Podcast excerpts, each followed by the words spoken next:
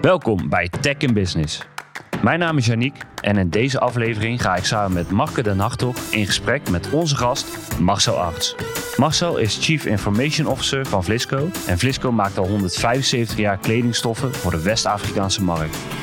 Vandaag gaan we met Marcel dieper in op data en de vraag: is het wel het nieuwe goud waar iedereen het over heeft? Of staat het eigenlijk gewoon nog in de kinderschoenen? We hebben het over de factoren die data waardevol maken, verschillende toepassingen van data, hoe data verandert van doel naar middel om doelstellingen te realiseren. We kijken heel even vooruit naar de toekomst en belichten ook gelijk de risico's. En zoals je van ons bent gewend, sluiten we af met een tip om data ook waardevol te maken voor jouw organisatie. Een bomvolle aflevering waar je weer even goed voor moet gaan zitten en vraag je alvast even af: is data wel het nieuwe goud? Nou, Marcel, welkom in, uh, in onze podcast. Ja, dankjewel. Uh, hoe gaat het? Ja, goed. Ja, heb je er zin in? Ik heb er heel veel zin in. Ja, mooi. Wij ook. Wij ook, uh, nou, leuk dat je vandaag uh, bij ons wil aansluiten. Uh, nou, als ik voor mezelf spreek, denk ik, mag ik ook wel. Hebben we hier echt wel naar uitgekeken. Super tof verhaal. Dus ik ben heel erg benieuwd van vandaag. Ehm, nou, vandaag gaan we dus in het onderwerp data duiken. Een bijzonder breed, breed onderwerp.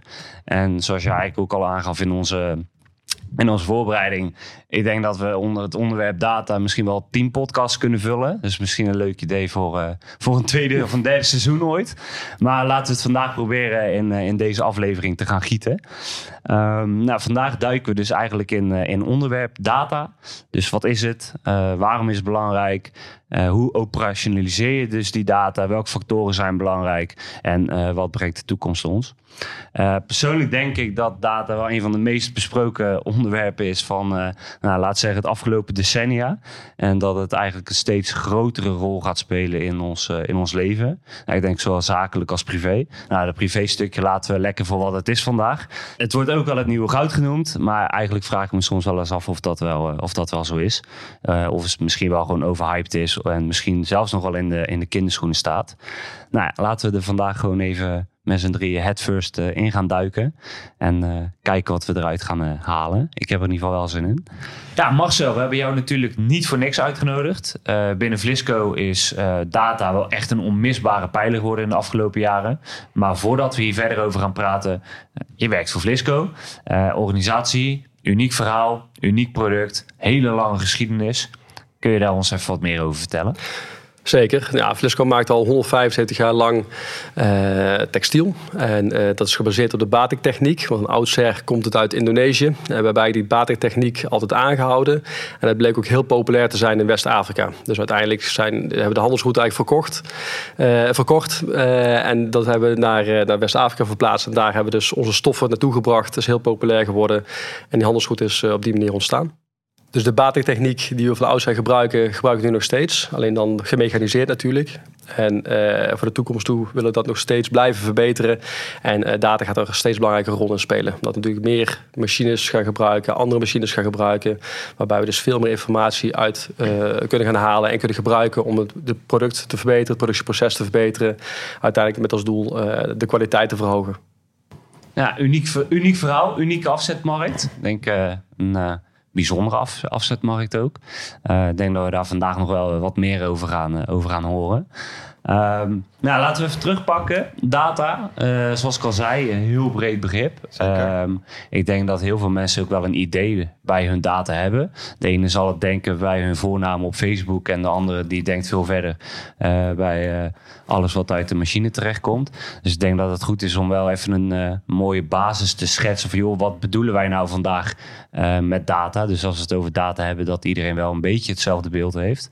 Dus die vraag wil ik graag bij jullie neer, heren neerleggen zeggen. wat, als wij het nu over data hebben vandaag, waar hebben we het dan precies over? Zal ik hem aftrappen, eh, Marcel? Zeker. Van, uh, als ik het over data heb, uh, kijk ik altijd vaak naar... Ja, data zit in een bepaalde vorm. Uh, kijk, machines hè, die leveren allerlei gegevens op. Dat is een vorm van uh, data.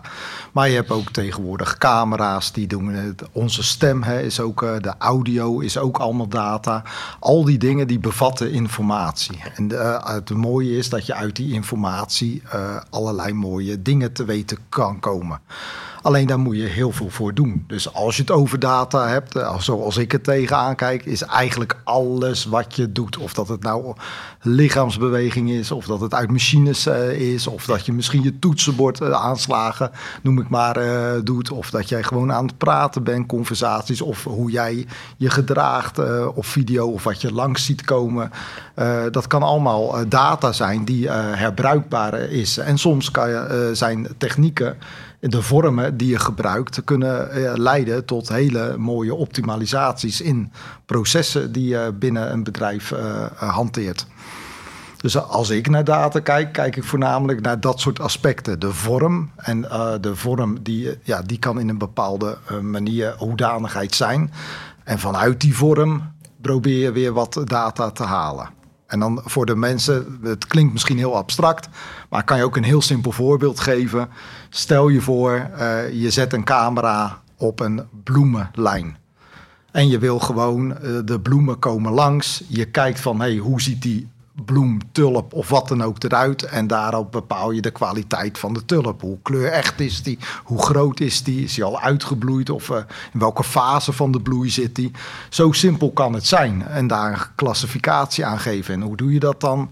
Je zet een camera op. Die camera die gaat gewoon de lijn. Er komen bloemen langs. En afhankelijk van dat gooit hij hem in een bepaalde uh, bak, uh, zeg maar. Of gaat hij een bepaalde lijn in waar bepaalde kwaliteit van bloemen worden uh, afgehandeld. Nou, Marcel, ik denk als ik daar op doorhaak dat jij daar ook vast hele mooie voorbeelden in de, de vorm van Flisco van kan verzinnen. Maar ik geef jullie maar een voorbeeld van hoe je dat zou kunnen doen. Audio is ook zo een, hè? Iedereen praat, wij hier ook. Dat kan je analyseren. Wat wordt er gezegd? Hoe wordt het gezegd? Hoe zitten mensen in de gesprekken? Denk aan callcenters die uh, daarmee spelen. Ja. Ook een vorm van audio waar je allerlei informatie kan, uit kan halen. Voldoe ik aan de juridische context? Voldoe ik aan de scripts die je hebt? Het zijn allemaal voorbeelden Waar je gewoon in de business met hele simpele dingen, uh, zeg maar tegenwoordig, uh, of uh, de technieken, daar data uit kan halen. En dus, dat is eigenlijk voor mij een van de ja, ja. vormen hoe ik er tegenaan. Dus eigenlijk als het heel plat slaat, is data informatie. Ben je het daar mee eens, Marcel? Ja, en ik denk dat als ik de voorbeelden hoor van Marco, dan vind ik zo vrij complex eerlijk gezegd. Ik denk dat in de, in de kern is data een gevolg van iets wat gedigitaliseerd is. Dat kan allerlei vormen plaatsvinden. Maar het kan inderdaad ook gewoon een banktransactie zijn. Het kan inderdaad zijn iets in je, in je productieapparaat. Kijk, als ik naar Flisco kijk, dan ben ik vooral geïnteresseerd in hoe maken wij ons product? Onder welke omstandigheden hebben wij ons product gemaakt? Dat kan machinedata zijn. Onder welke snelheid hebben we het geproduceerd? Maar het kan ook zijn onder welke temperatuur is het geproduceerd. Bijvoorbeeld de temperatuur van water dat we gebruiken. Uh, de luchtvochtigheid buiten. Uh, dat heeft ook te maken met luchtvochtigheid binnen. Dat heeft ook weer invloed op, uh, op het doek wat wij proberen te kleuren. Er zijn heel veel uh, vormen van data inderdaad al dan niet beschikbaar. Dus er is nog veel meer data uh, dat eigenlijk rondzweeft, letterlijk en figuurlijk, zonder dat je het per se hoeft te pakken. Ja. Uh, dus voor mij, als, als ik aan data denk, dan is het allereerst het gevolg van een, een digitale transactie die je, die je uitvoert. Op welke manier dan ook. Dus het kan zijn inderdaad dat ik benoemde het pinnen. Uh, wat jij noemde een mooi voorbeeld van uh, de bloembollen of de, de, tulpen die gaat analyseren van hoe groot zijn ze. Uh, ik weet dat ze ook op die manier appels sorteren. Die worden dan dat klopt, ja. per appel worden inderdaad 27 foto's gemaakt. Ja. En wordt inderdaad de kleur bekeken, de grootte bekeken. En dan afhankelijk daarvan wordt hij eigenlijk in zo'n bak helemaal gevolgd ja. en de juiste bak gesorteerd. bij Flisco zijn we daar nu mee gestart om halverwege het productieproces te kijken naar het design zelf. Dan komt de eerste basiskleur wordt aangebracht. En die basiskleur vormt eigenlijk je ontwerp, je tekening. En uh, we zijn nu aan het kijken van oké, kunnen wij van ieder stuk doek dat we daarin produceren, een foto maken en analyseren en kijken hoe goed de kwaliteit op dat moment al is. Als je daar al ziet dat er fouten in zitten, kun je kijken of je dat kan corrigeren. Misschien moet je een stuk doek eruit halen. Uh, en misschien moet je het wel opnieuw doen. Dus je hebt allerlei keuzes halverwege al het proces die we nu nog niet hebben. Op dit moment moeten we handmatig de doeken zeg maar, omhoog tillen vanaf een pallet. En kijken ongeveer, is de kwaliteit goed, ja of nee? En hoe, hoe, hoe laat hem doorgaan? Ja. Uh, dus dat kan veel geavanceerder en beter. En dan kun je dus ook een betere kwaliteit leveren uiteindelijk aan, uh, aan de eindgebruiker, aan de klant, aan de consument. Ja. wat je daar dan ook in zegt, uh, Marcel, als ik jou heel goed begrijp, is dat voor jou de data die jij nodig hebt. Hè? Want aan de ene kant noem je omgevingstemperatuur, uh, dus echt de transacties van de, de data. Aan de andere kant hoor ik je een beetje van, ja, we kijken gewoon hoe het doek eruit ziet. Hè? Dus dat is meer kijken naar het plaatje, om het maar even zo te zeggen voor de luisteraars. Van, uh, maar wat is dan uh, de data, zeg maar? Kijk, je kan van alles en nog wat verzamelen. Maar jullie doen dat denk ik wat gerichter uh, binnen Flisco. van hoe, hoe, zie jij, hoe zie jij dat dan? van hoe kijk ja. je dan echt tegen de, de, data die jij nodig hebt? Als ik kijk in de fabriek en je wil op een gegeven moment weten wat de kwaliteit is van het doek wat je produceert, wil je dus een visuele inspectie maken. Dat is dus een foto. En die foto, als je dat plat slaat, zijn het alleen pixels. Dus je gaat goed kijken hoe goed zijn de, eh, is de foto en je pixelwaarden en de kleuren ten opzichte van het oorspronkelijke design. Dus die twee moet je met elkaar gaan vergelijken. Nou goed, we kennen allemaal wel het, het voorbeeld van, uh, van foto's waarbij het ene gezicht op het andere gezicht plakt. Ja, eigenlijk heel plat geslagen doen wij dat ook met onze designs. Dus als je een foto maakt in een fabriek, dan is dat doek is niet heel, is al helemaal bewerkt. Wordt, wordt best wel veel mee aangetrokken, dus het is helemaal vervormd eigenlijk. Alleen je oorspronkelijke design is helemaal strak getekend. Dus je moet eigenlijk dezelfde vervorming als op het doek moet je gaan berekenen. En dan moet je dus gaan toepassen op je design. En dan heb je dezelfde vervorming. En dan kun je ze netjes over elkaar leggen. En wat er dan nog aan verschillen optreedt, dat is eigenlijk je, uh, ja, je, je, verschil. En dat kan een, een, fout zijn, maar het hoeft niet per se een fout te zijn. Want we hebben ook bepaalde imperfectie die erin mag zitten. En dan krijg je weer het subjectieve. Dus inderdaad, objectief gezien is het een fout. Het, dus het wijkt af van je uh, echte design. Alleen subjectief gezien wil je ook dat daar een bepaalde variatie in zit. Dus dan krijg je de interpretatie maakt het ook weer uniek, denk ik. Dat is juist inderdaad wat het uniek maakt. Ja. Nou, volgens mij uh, uh, duiken we al snel, uh, snel de toepassingen de diepte in. Dus dat is alleen maar mooi. Ik heb een paar mooie voorbeelden al voorbij, voorbij zien komen.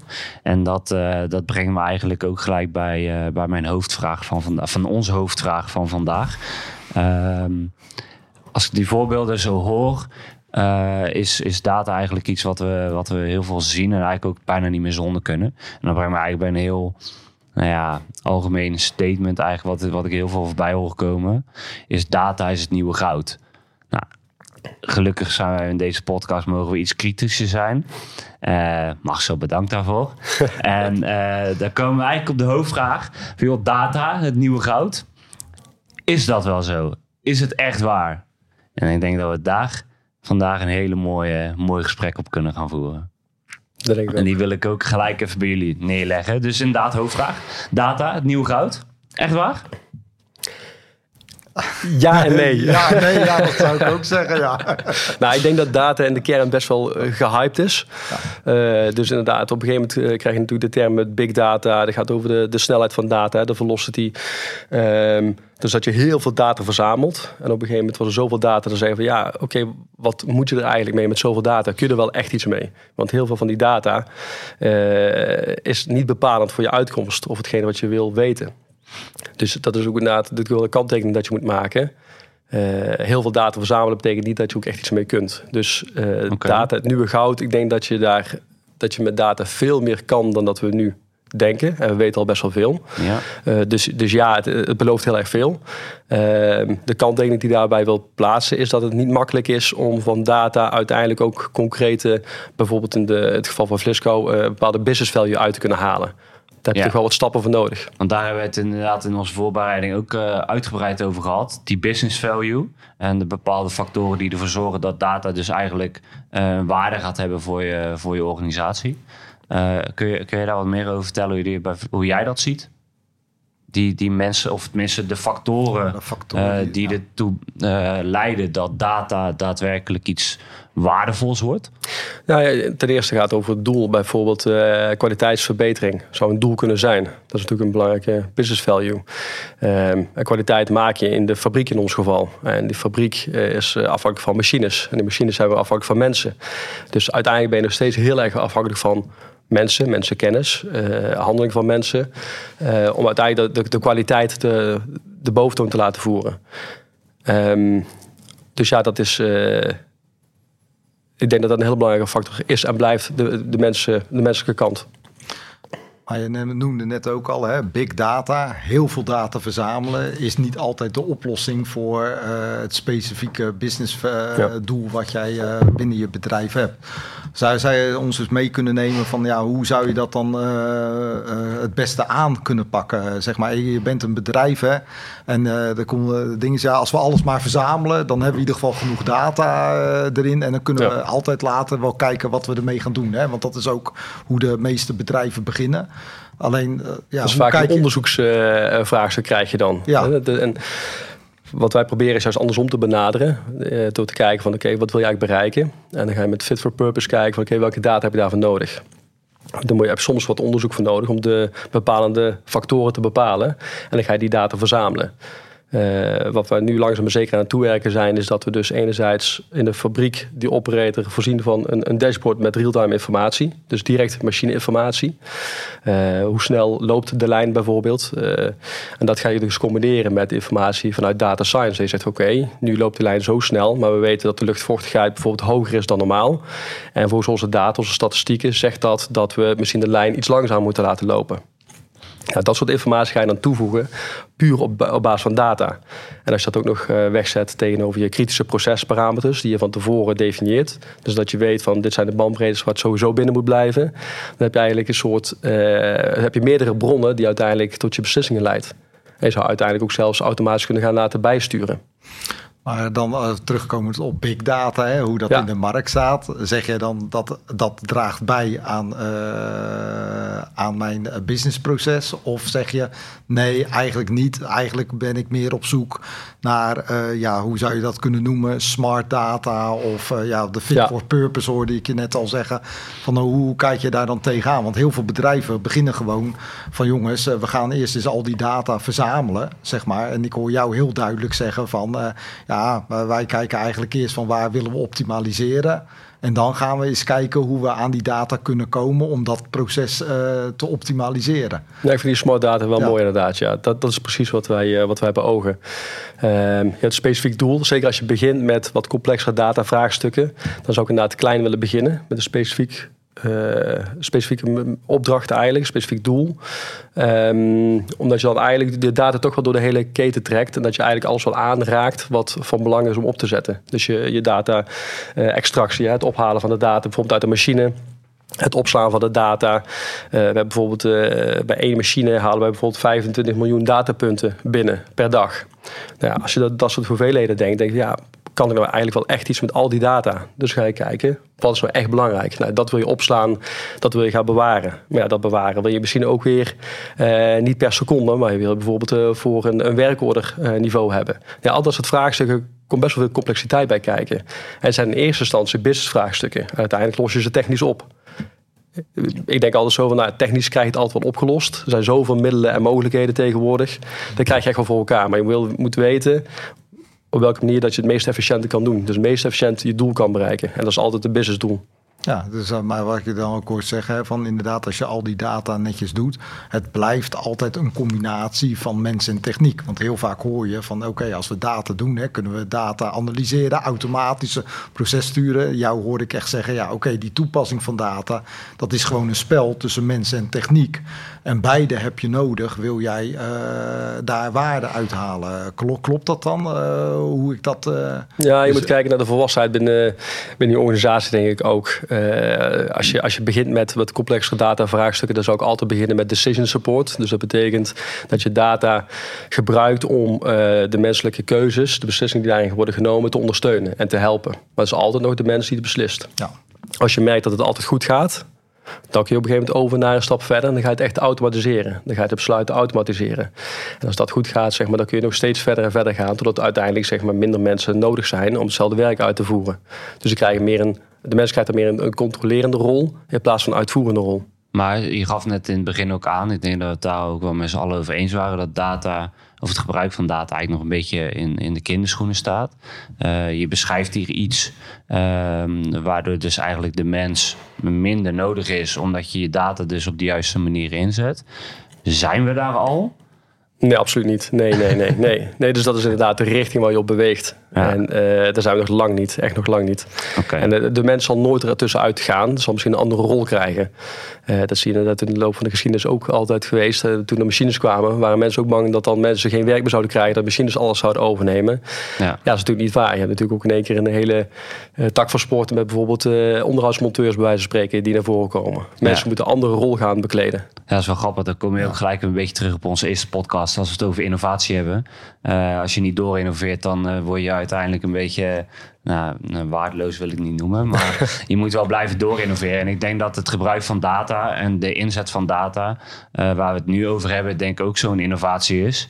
Uh, die heel belangrijk is, groot gaat worden, maar er nog lang niet is. Um, als ik jullie ook zo hoor, kunnen we dus eigenlijk ook wel een beetje stellen dat data dus eigenlijk niet meer het doel aan zich is, maar echt het middel om uh, bepaalde doelstellingen te bereiken. Zeg dat goed? Ja, eens. Ja, ja. Okay. ja een andere rol heeft gekregen. Ik denk dat uh, als je een aantal jaren terugkreeg, was, was data veel meer bedoeld om om te zetten naar informatie met business intelligence en daarna naar KPI's en scorecards en dat soort dingen. Ja. Uh, was meer om, om high level te kunnen gaan sturen. En tegenwoordig zit het veel meer op een lager niveau dat je direct ingrijpt in de processen zelf. Dus niet meer achteraf terugkijkt, maar direct bijstuurt op basis van informatie die je dan voorhanden hebt. Ja, dat brengt mij eigenlijk op een, uh, op een volgend stukje. Uh, je hebt het eigenlijk dus over de toepassing uh, van data. Um, waarom is die toepassing van, van de juiste data, dus laten we even zeggen de smart data, een mooie, mooie benaming, uh, Marco, bepalend voor je succes? Omdat daarmee de, de complexiteit eruit gehaald wordt en je richt je op de toegevoegde waarde. Ja, oké. Okay. En met name die toegevoegde waarde, dat, dat is eigenlijk je startpunt. Ja. Dat is eigenlijk je startpunt moeten zijn, vind ik. Ja, wat, wat levert Flisco uh, dat uh, op, zeg maar? Want uh, jullie zijn heel erg gericht hè, op die data, kwaliteit, dingen inzichtelijk maken. riep je al voor de mensen, dat je echt weet, hey, dat stukje ja. doek is toen geproduceerd met dat, dat en dat. Van, wat biedt dat voor jullie als bedrijf als voordeel straks? Nou, ik denk ook betrouwbaarheid en kwaliteit. We hebben echt heel veel vakmensen in dienst. Um, er zijn mensen die kunnen gewoon echt puur visueel, die kennen machines uh, uit een duimpje en die kunnen het echt goed produceren, ook hoge kwaliteit halen. Um, maar je zult ook gewoon zien dat er, dat ook mensen bijvoorbeeld je capaciteit verhogen. Dus moet je mensen gaan vanuit het uitzetbureau erbij gaan zetten. Ja, die hebben niet die ervaring. Dus je wil eigenlijk die ervaring uit de ervaren medewerkers op een of andere manier proberen te vangen en dat te hergebruiken in je proces. Dus dat degenen die minder ervaren zijn, eigenlijk dezelfde informatie, dezelfde kwaliteit kunnen leveren dan degene die bijvoorbeeld uh, al heel erg ervaren zijn. Dus je wil daar een hogere kwaliteit in gaan bereiken. Okay, en zitten er dan ook voor de afzetmarkten? Want je noemde al van uh, veel Zuid-Afrikaanse uh, landen waar jullie... West-Afrikaanse, West-Afrikaanse ja, ja, landen, sorry, West-Afrikaanse landen. Waar jullie afzet naar doen, zeg maar. Want uh, ja, ik snap ook wel dat jullie misschien concurrentie hebben uit, uh, vanuit China of wat dan ook, uh, zeg maar. Ja. Maar wat kan data voor jou ook betekenen in dat soort ja, doelstellingen voor, qua, voor, voor Flisco? Kijk, wat voor ons heel erg belangrijk is, is dat we heel erg wendbaar zijn in de fabriek. Dat betekent dus kleinere batches en de, dus met meer designs op de markt komen. En data kan er zeker bij ondersteunen. Dus als je op een gegeven moment weet van, ik, ik wil zoveel yards, wij praten yards niet in meters, maar zoveel yards in de markt uh, gaan brengen. En uh, dan is de bedoeling dus dat je dat in één keer die hoeveelheid kan produceren. En dus niet meer nog moet gaan bijdrukken. En dat levert zeg maar heel veel uh, verlies op in je capaciteitsverlies op in je fabriek. Dus je wil eigenlijk gewoon in één keer de juiste hoeveelheid produceren en de juiste kwaliteit. Dus dat je in één keer zeg maar de hele batch klaar bent, zodat de volgende design weer klaar staat. En door die innovatiesnelheid te houden, zorg je ook voor dat het voor, voor, voor namaak, want dat is wat er vaak gebeurt, minder ruimte is. Want als het op de markt is en het is op de markt geweest, daarna is dat design vaak minder populair. Dus als het dan inderdaad nog een namaak nog een maand later komt, dan is dat, heeft dat minder schade. Oké. Okay, en daarnaast hebben we gewoon hogere kwaliteit van de doek en dat soort zaken. Dus het werkt beide kanten op. Ja, hartstikke mooi om te horen in ieder geval wat het dan toegevoegd kan worden bij jullie, uh, zeg maar. Ja, want als je het hebt over, uh, we hebben volgens mij een aantal um, onderwerpen afgetikt als het gaat om wat er bij, jullie bij Flisco data voor inzetten. Ik hoorde procesoptimalisatie voorbij komen, kwaliteit, Um, heb ik voorbij zien komen, afzetmarkten, noem maar op. Jullie hebben natuurlijk best wel een specifieke afzetmarkt. Gebruiken jullie bijvoorbeeld ook de data om dichter bij je consument te komen? Marketingtechnisch gezien, maar ook misschien je consument leren kennen? Ja, daar willen we wel steeds meer naartoe gaan. Voor ons is dat relatief lastig, omdat we bijna alles uh, indirect verkopen. Dus we verkopen heel vaak aan, aan handelaren in de landen. En die handelaren hebben dus een eigen consumentengebied, zeg maar. Dus wij hebben dan weinig direct contact met de, met de eindconsument. Dus die zouden wel beter willen leren kennen, inderdaad. Ja. dus er dus- zijn inderdaad wel ideeën voor om meer uh, direct to consumer uh, te gaan leveren, bijvoorbeeld door winkels. En de, de klant in de winkel veel beter te kennen en op die manier te groeien en uh, meer de klanten aan je te kunnen binden. Ja. ja. Nou, dat is een, uh, dan hebben we het dus ook gelijk met een beetje met een, een blik op de toekomst, denk ik, waar voor jullie misschien nog de, de kansen liggen. Uh, ik heb eh, net, net hebben we het er al even uh, eerder over gehad. Dat data nog in, nou, nogmaals, een beetje in de kinderschoenen staat, maar wel de toekomst heeft. En dat er eigenlijk nog heel veel stappen te zetten zijn naar uh, dat, dat grote toekomstbeeld wat we hebben. En dus ook grote innovaties kunnen gaan doorvoeren, gebaseerd op nou, alle data die we daarin hebben. Um, als, als we kijken naar data als innovatie, data in de toekomst voorspellingen die, die je kan doen? Of dingen waarvan jij denkt van hey, dit, uh, dit kunnen we verwachten? Dat is misschien wel een mooie vraag voor jou, Marco. ja, kijk, uh, data in de toekomst. Er zal steeds meer met data kunnen worden gedaan. Zeg maar, dat is, uh, dat is waar, hoe ik erin zie. Je ziet al die technieken hè, die er zijn. En dan heb je het over machine learning, uh, artificial intelligence, zoals het allemaal mooi wordt genoemd. Nou, image recognition hoorde ik jou ook al net zeggen. Hoe ga, ga je dat doen? Hoe, dingen, die technieken gaan steeds meer verbeteren. Zeg maar. Dus als je kijkt naar de trends die dat doet, het wordt allemaal laagdrempeliger. Want uh, ja, de, gewoon, het wordt volwassenen, die markt, uh, langzamerhand, hè, met al deze technieken. En je zal zien dat het steeds laagdrempeliger gaat worden in de toekomst voor bedrijven om dit soort technieken in te gaan zetten. Dat zie je echt langzamerhand om je heen uh, gebeuren. Het is nog niet heel zichtbaar voor iedereen, maar je ziet dat bedrijven, vooral de bedrijven, hè, waar, waar jij ook bij werken, maar, Marcel, van, uh, die zie je daar echt al druk mee bezig. Maar je ziet het steeds meer naar de consumenten dingen gaan schuiven. En dat komt, die techniek wordt uh, steeds volwassener. Dus als je daarnaar kijkt, zal steeds meer data, als je naar trends en ontwikkeling doet, verwacht ik dat er steeds meer data zal worden verzameld uh, de komende tijd, waar dan ook. En zal worden gebruikt om processen te optimaliseren of zaken te verbeteren of veel beter ja. te reageren op consumentenbehoeften. Want dat zie je, ja ook al, we hebben het ook al in de eerste podcast daarover gehad. Uh, een beetje fan van mij, uh, van uh, meneer Musk, zeg maar. maar je ziet, je ziet hetzelfde en je kan daar heel veel van vinden, zeg maar. zeg maar. Ze zitten zo echt niet altijd goed zien. Maar je ziet ook nu dat zij dingen aan het weghalen zijn. Hè? Dus de minimalistische auto, hè, om het maar even zo te zeggen. Maar zij kijken gewoon, wat wordt er nou echt gebruikt in die auto? En daar, daar spelen zij op in. En dat kan je natuurlijk als een uh, gadget geek uh, natuurlijk uh, ontzettend tegenvallen. Want je hebt al die 300.000 opties niet meer in je auto. Maar als je er maar 20 gebruikt, bij wijze van spreken. Ja, waarom zou je dan niet alleen die 20 aanbieden en die 200.000 plus zaken weglaten? Ja. En dat zijn wel dingen, denk ik, die je ziet. Het weghalen, zeg maar, het, je processen stroomlijnen, wat zij ook doen. Hè, dat doen ze ook met SpaceX en dat soort zaken, zie je dat zij daar heel erg mee bezig zijn. Maar bedrijven gewoon hier om de hoek, om het maar even zo te zeggen, waar Marcel dan uh, mooi bij het mooie Flisco, die jullie zijn daar ook mee bezig. En allemaal hebben je hetzelfde doel. Alleen de een is wat minder zichtbaar uh, uh, zeg maar voor het publiek. En de ander is gewoon veel zichtbaarder voor het publiek. Ja, ben ik wel met je eens. Ja, dat ja. denk wel dat soort trends steeds meer een rol gaan spelen. Dat echt ja, hoe het personaliseren van advertenties, hè, dat kent iedereen. En daar word je iedereen helemaal gek van. Zo nu en dan. Ik vind het wel, ik vind het wel fijn. Dan zie ik tenminste hetgeen wat ik wil zien. Ja, ja Dat, soms eh, wel. Maar ja, als je al op iets zoekt en je ziet het daarna toch 300 keer langskomen, dan denk je ook van jongens, laat maar, zeg maar. Ja, er zit wat in. Ja, maar van. Dat, dat is een beetje mijn eh, ding. eh, maar ik denk wel dat dat zeker de richting, dat die trend die richting aan het opgaan is. Eh. maar dat is een beetje wat ik zie. Ja, ik- als ik er naar kijk. Data is over het algemeen niet heel erg zichtbaar. Het gaat meer over de innovatieve toepassingen ervan. Precies, ja. En ik vind het wel interessant om te zien dat er veel meer eh, richting de consument gaat. Hè, richting echt eh, jij en ik. Ja. Ja. Ehm, en de toepassingen die zijn ook vaak eh, die gaan richting sociale. Hè? Dus bijvoorbeeld inderdaad eh, dat je, eh, ik heb laatst gelezen inderdaad dat je bijvoorbeeld van een, een dierbare die overleden is, dat je daar toch een soort gesprek mee kan voeren. En nu zie je inderdaad de deepfake video's Ja. en je denkt van oh dat is eng. Ja. Het lijkt net of iemand dat echt zegt. dat ja, dat, dat soort toepassingen eh, willen ze ook in rouwverwerking bijvoorbeeld gaan, eh, gaan gebruiken. Ja, dat is natuurlijk een heftig onderwerp. Maar van de andere kant kan het ook heel erg veel troost bieden. Dus dat vind ik wel, wel een mooie uitwerking daarvan.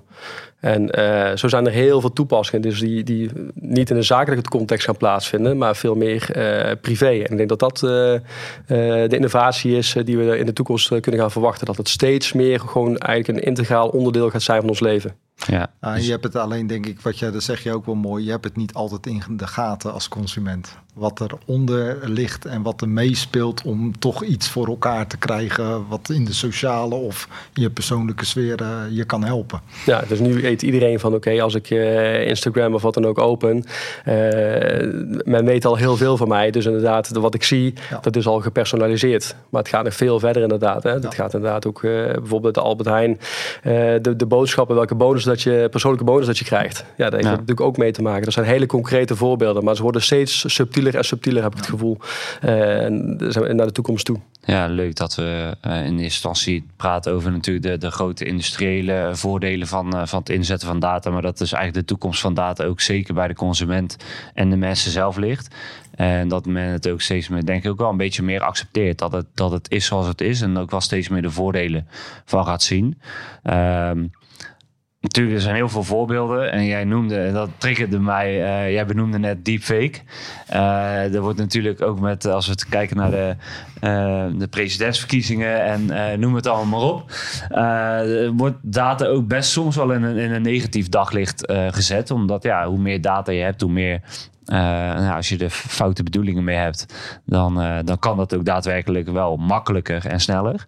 Ehm, ik kan me voorstellen dat data natuurlijk niet alleen maar halleluja is en alleen maar eh, de voordelen. Nou wil ik het ook niet heel negatief gaan trekken. Eh, maar ik kan me ook wel voorstellen dat, eh, dat, dat jullie ook wel risico's herkennen of erkennen. waarvan je zegt van nou, als we het over data hebben, wel een kanttekening.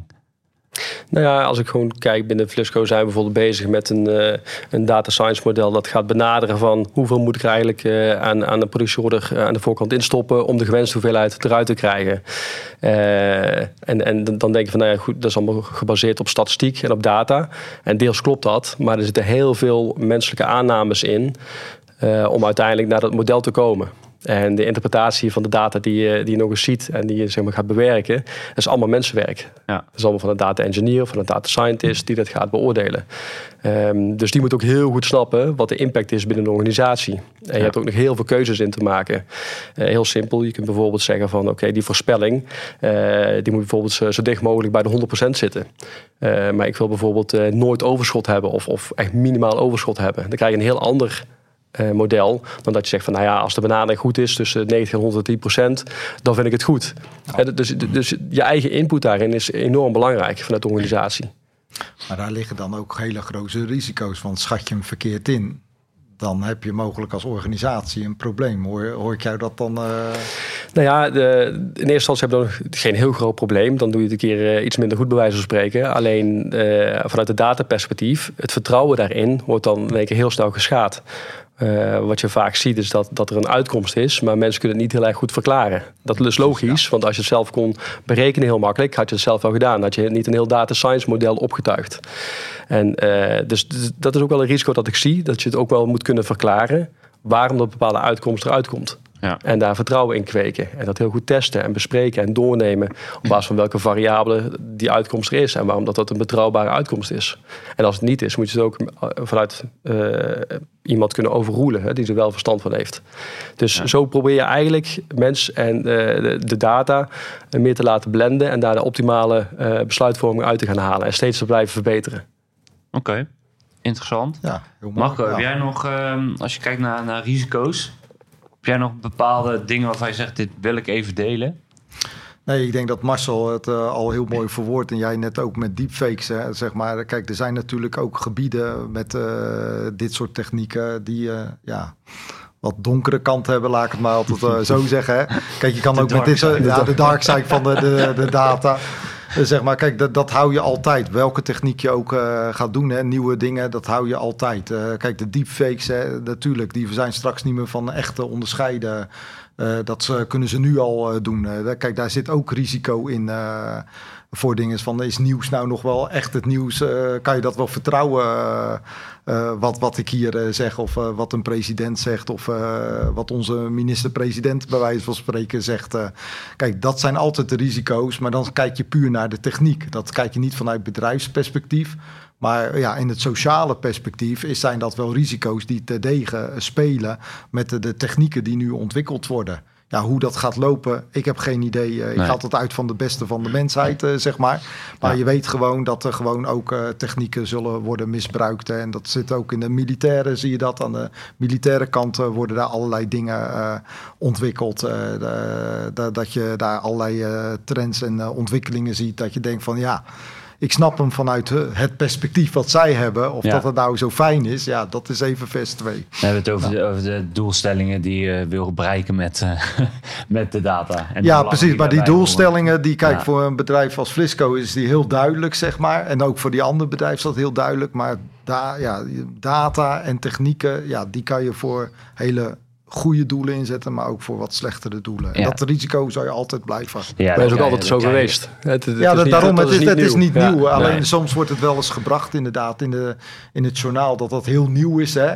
Van, oh, we moeten dat gaan reguleren, hoor je dan uh, veel. Hè? Ja, natuurlijk snap ik dat je dat moet reguleren. Maar dan komt er zo meteen weer een andere techniek. En dan speelt het inderdaad weer hetzelfde. Want uit het verleden zie je ook al die voorbeelden, zie je dat ook uh, gebeuren. Dus ja, dat, dat risico hou je altijd. Ja, dan kom je op een soort ethisch vraagstuk terecht. Ja, dat is ethisch vraagstuk. Ja, nou willen we nu van wegblijven, zeg maar. Dus, uh, maar, uh, dus, ja, dus, maar dat, dat is wat ik altijd zie, dingen. En risico inderdaad, wat je zegt van, ja, jij noemt het dan de uitdaging niet netjes geïnterpreteerd. Er zijn bedrijven bekend die op Excel ten onder zijn gegaan, zeg maar. Omdat ze ook data interpreteerden, maar dat het toch verkeerd stond in de Excel. En eh, dat het uh, daardoor bedrijven gewoon failliet zijn gegaan, uh, zeg maar, of grote dingen. Dus ja, dat zijn altijd de risico's die eraan zullen blijven kleven. Als je het niet, en wat, dat vond ik ook wat jij al mooi verwoordde, je moet begrijpen waar het vandaan komt. En als je dat uit het oog gaat verliezen, ja, dan wordt jouw risico heel groot. Hou je dat goed in het oog, denk ik dat je gewoon heel mooi je processen daarmee kan optimaliseren. Ja, en eh, wat je natuurlijk hebt is dat data, heb je best wel specialismen voor nodig. En de specialisten van data zijn vaak niet de specialisten in de business. Dus die twee moet je heel erg goed eh, die zijn heel erg gescheiden. Ja. En dan moet je juist heel erg goed gaan samenwerken. En, en daar zit ook wel een, een risico, zie ik, uh, dat die elkaar wel moeten gaan begrijpen. En dat, dat is best wel lastig, omdat de ene niet de taal van de andere spreekt. En voordat die samenkomen heb je best wel tijd nodig. En het enige wat in daarin helpt is heel veel testen. Gewoon heel veel blijven testen, testen. Gewoon letterlijk klein beginnen. In ons geval bijvoorbeeld uh, een sales order of een werkorder of wat je dan ook pakt. Gewoon helemaal doorlopen. Wat is de verwachte uitkomst vanuit de business perspectief? Wat is de verwachte uitkomst vanuit meer de data kant? En, en hoe rijmen die samen of hoe juist niet? Ja, ik denk dat je dat uh, heel goed verwoordt, ja. Ja, ik denk uh, nou, inderdaad dat we daarmee... Wij eindigen de podcast vaak, of tenminste proberen de podcast altijd te eindigen met een, een handvat of een tip van degene die bij ons uh, aan tafel aanschuift. Uh, nou, ik denk dat je net al een mooie, mooie tip gaf. Maar als je er uh, bewust nog eentje zou mogen geven, wat zou, hem, wat zou je willen meegeven? Dat zou ik willen meegeven. Denk niet alleen aan de data zelf, maar veel meer in het proces. Dus hoe gaat hij nou daadwerkelijk jouw proces helpen. Dus hoe gaat, die, hoe gaat de data, de informatie uh, daadwerkelijk impact maken? Dus je hebt een bepaald doel voor ogen, bijvoorbeeld je kwaliteit verbeteren. En hoe gaat die data daar echt impact op maken? Dus hoe wie gaat het gebruiken? Op welke manier gaat hij gebruiken? Wordt die data ververst? Hoe blijf je zeg maar, eh, de data verbeteren? Uh, wie blijft de data monitoren? Je hebt vaak uh, ook, ook zeg maar, je, masterdata moet je op orde hebben. Dus, dus je, je basisdata. Um, dus het gaat veel verder dan alleen maar... oké, je hebt bijvoorbeeld een data science model... maar het gaat er echt om hoe zorg je ervoor dat, die, dat het model lerend blijft en dat je het ook kan monitoren wat er gebeurt. dus hoe zorg je dat het operationaliseert in je organisatie, in je proces. Helder. Nou, super. Op uh, dit handvat denk ik dat we de podcast mooi kunnen afsluiten. En wil ik toch nog even terugpakken op, uh, op onze hoofdvraag van vandaag. Data, het nieuwe goud. Echt waar? Nou, wat is de conclusie, heren, na deze, na deze 30 minuten? Ja, ik zou zeggen toch wel een, een, een dikke ja uh, vanwege de potentie. het is niet makkelijk om eruit te halen. maar als het lukt, dan heeft het heel veel waarde. Oké, okay, ja, ja, ik sluit me daar helemaal aan aan. Ik denk zeker dat data gewoon het uh, nieuwe goud uh, kan zijn, uh, mits je het maar goed weet te gaan gebruiken en weet te op, je processen weet te optimaliseren waar daar jij het nodig hebt als bedrijf. Dus eigenlijk conclusie, data is het nieuwe goud met een kanttekening. Dat denk ik dat je dat moet doen. Ja. Helder.